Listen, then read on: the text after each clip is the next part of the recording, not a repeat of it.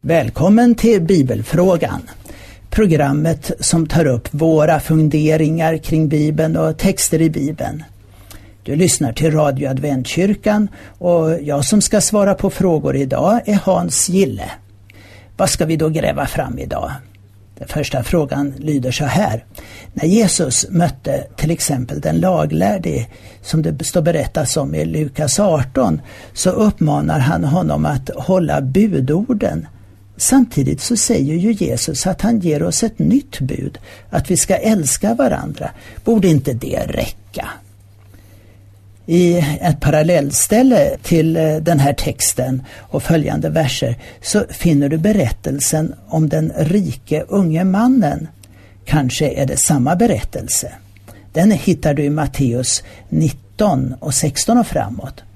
Frågan han ställer är vad ska jag göra för att få evigt liv?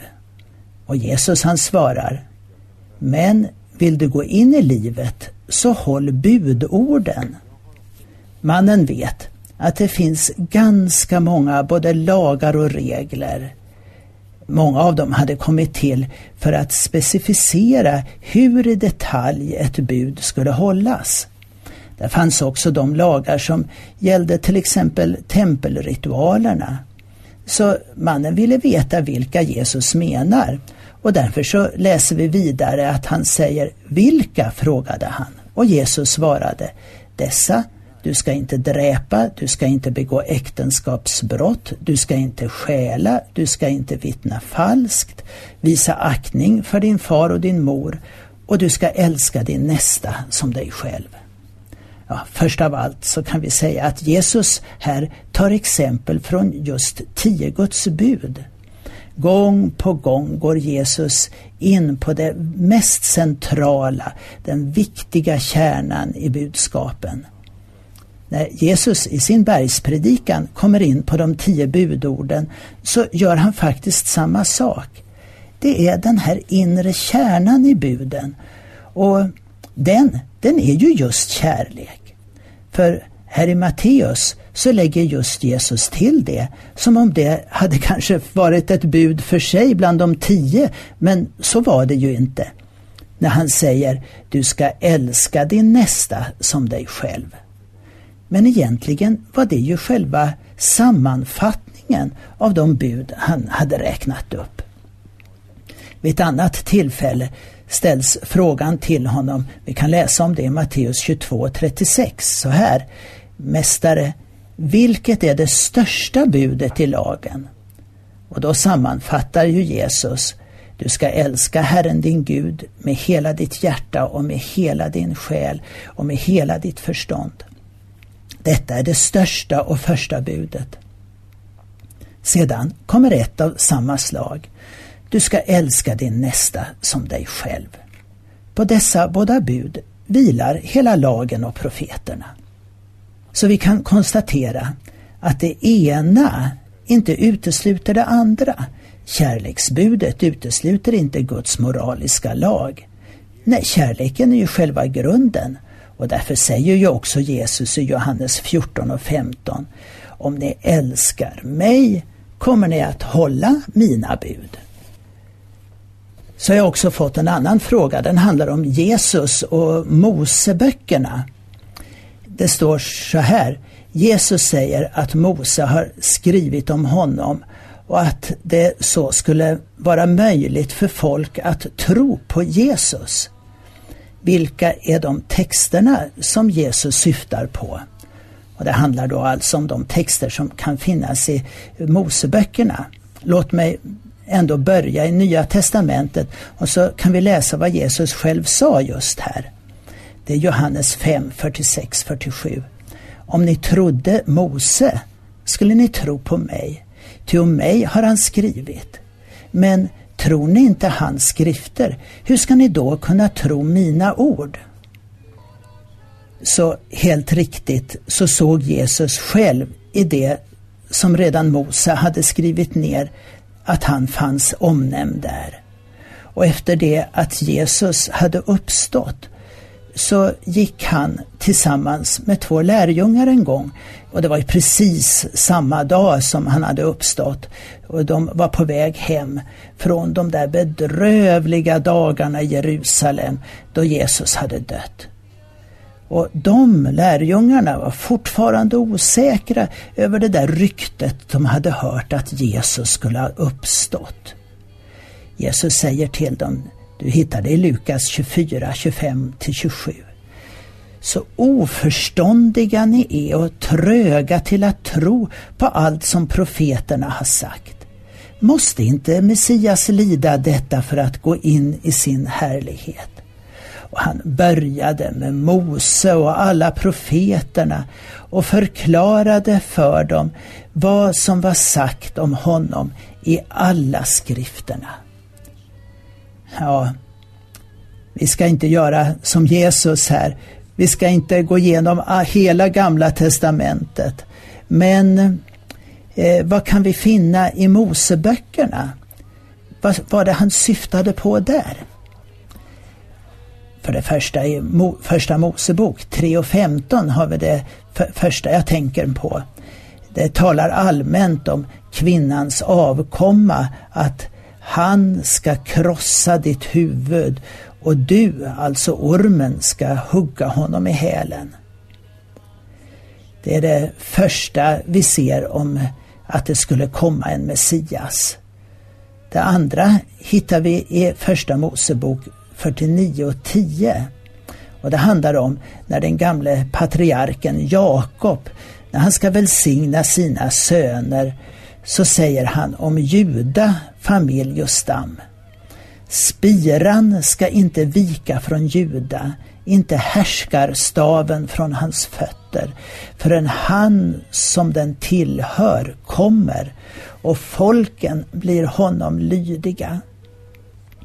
Ja, det var ju i den här stammen, i Jakobs stam, som David kom att bli konung och mycket längre fram Jesus själv. För uttrycket i texten upprepas av profeten Hesekiel i kapitel 21, vers 27. Det ska inte vara någonting förrän han som det rätteligen tillhör kommer. Honom ska jag ge det. Så Hesekiel såg, och folk med honom också, att det syftade för alla israeliterna egentligen på Messias, han som skulle komma och vara den verklige konungen, Guds konungen. Det tredje exemplet är från Andra Mosebok 12 och 21 och framåt. Det handlar om den första påsken som firades före uttåget ur Egypten. Israels barn, de skulle ju slakta det här felfria lammet och det var ju till för att rädda folket. Och därför så såg man det faktiskt som en del i profetian om eh, Messias. Och det var inte så konstigt att Johannes döparen, och jag tror att han var inte alls ensam om att se kopplingen mellan påsklammet och Messias. Johannes säger när han ser Jesus komma, Johannes 1 och 29, Se Guds lamm som tar bort världens synd. Det var inte för inte som Jesus kom att dö just på den judiska påsken. Det fjärde exemplet har jag från fjärde Mosebok 24.17 när profeten Biliam försöker att förbanna Israel när de är i slutet på sin ökenvandring så kan han inte det för eh, Gud får honom istället till att välsigna folket. Han säger jag ser honom, men inte nu. Jag skådar honom, men inte nära. En stjärna träder fram ur Jakob, en spira höjer sig ur Israel. Det var bland annat den här texten som man antar att de vise männen hade sett i de judiska skrifterna när dessa kom med gåvor till Jesusbarnet och hans föräldrar. Och så har jag det femte exemplet och det är från femte Mosebok 18 och 15. Det är Mose som säger till folket Herren din Gud ska låta uppstå åt dig en profet bland ditt folk av dina bröder, en som är lik mig. Honom ska ni lyssna till. Och i vers 18 citerar Mose de ord som han fick där vid Sinaja. En profet ska jag låta uppstå åt dem bland deras bröder, en som är lik dig. Och jag ska lägga mina ord i hans mun och han ska tala till dem allt vad jag befaller honom. Och det poängterar Jesus gång på gång. Ännu en av de texter som man förstod handlade om den kommande Messias. Man kan säga att uppgifterna om den kommande Messias blev tydligare och tydligare med tiden då fler profeter lade till detaljer som de fick av Gud. Men vissa grupper hos folket accepterade bara Moses skrifter som normgivande. Och även för dessa tror jag att Jesus ville poängtera att de kunde finna Messias i skriften. Kanske är det därför också som det står att efter att Jesus hade dött och uppstått så var det även många bland prästerskapet som kom till tro på Jesus som Messias.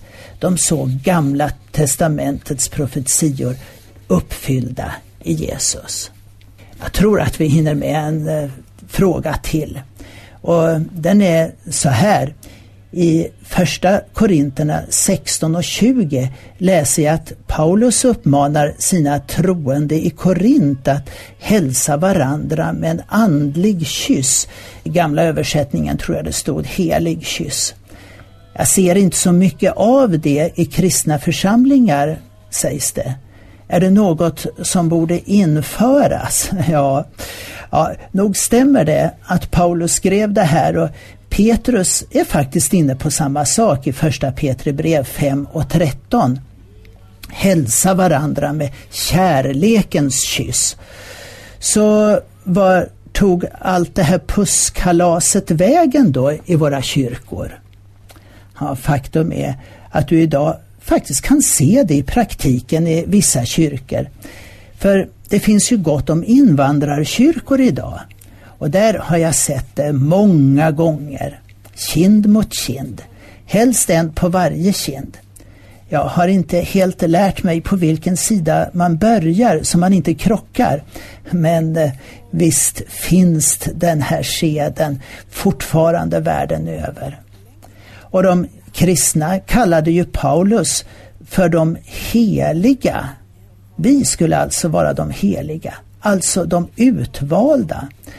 Och då blev väl kyssen helig den också, kan jag tänka mig. Förr hälsade man varandra genom att skaka hand och det fungerade alldeles utmärkt. Idag visar man sin glädje över varandra genom att ge varandra en kram så vi har väl kanske fått kramkalas i våra kyrkor istället. Jag tror det är viktigt att man följer de seder som finns i olika miljöer så långt det inte skulle strida mot vår moral. Paulus ord är väl bra här då han talar om anpassning. För juden är jag jude, för greken är jag grek. Målet är hela tiden att vinna människor för Kristus. När den förlorade sonen kom hem till sin far så fick han först av allt en kram och sedan en kyss. Jag läste en bok en gång som eh, handlade om Guds nåd och vet du titeln på den var Guds kyss. Hoppas den får väcka liv både i dig och mig den också. Och därmed så säger jag tack och adjö från Radio Adventkyrkan och jag heter Hans Gille och kom ihåg, ring gärna in dina frågor på 031 711 11 99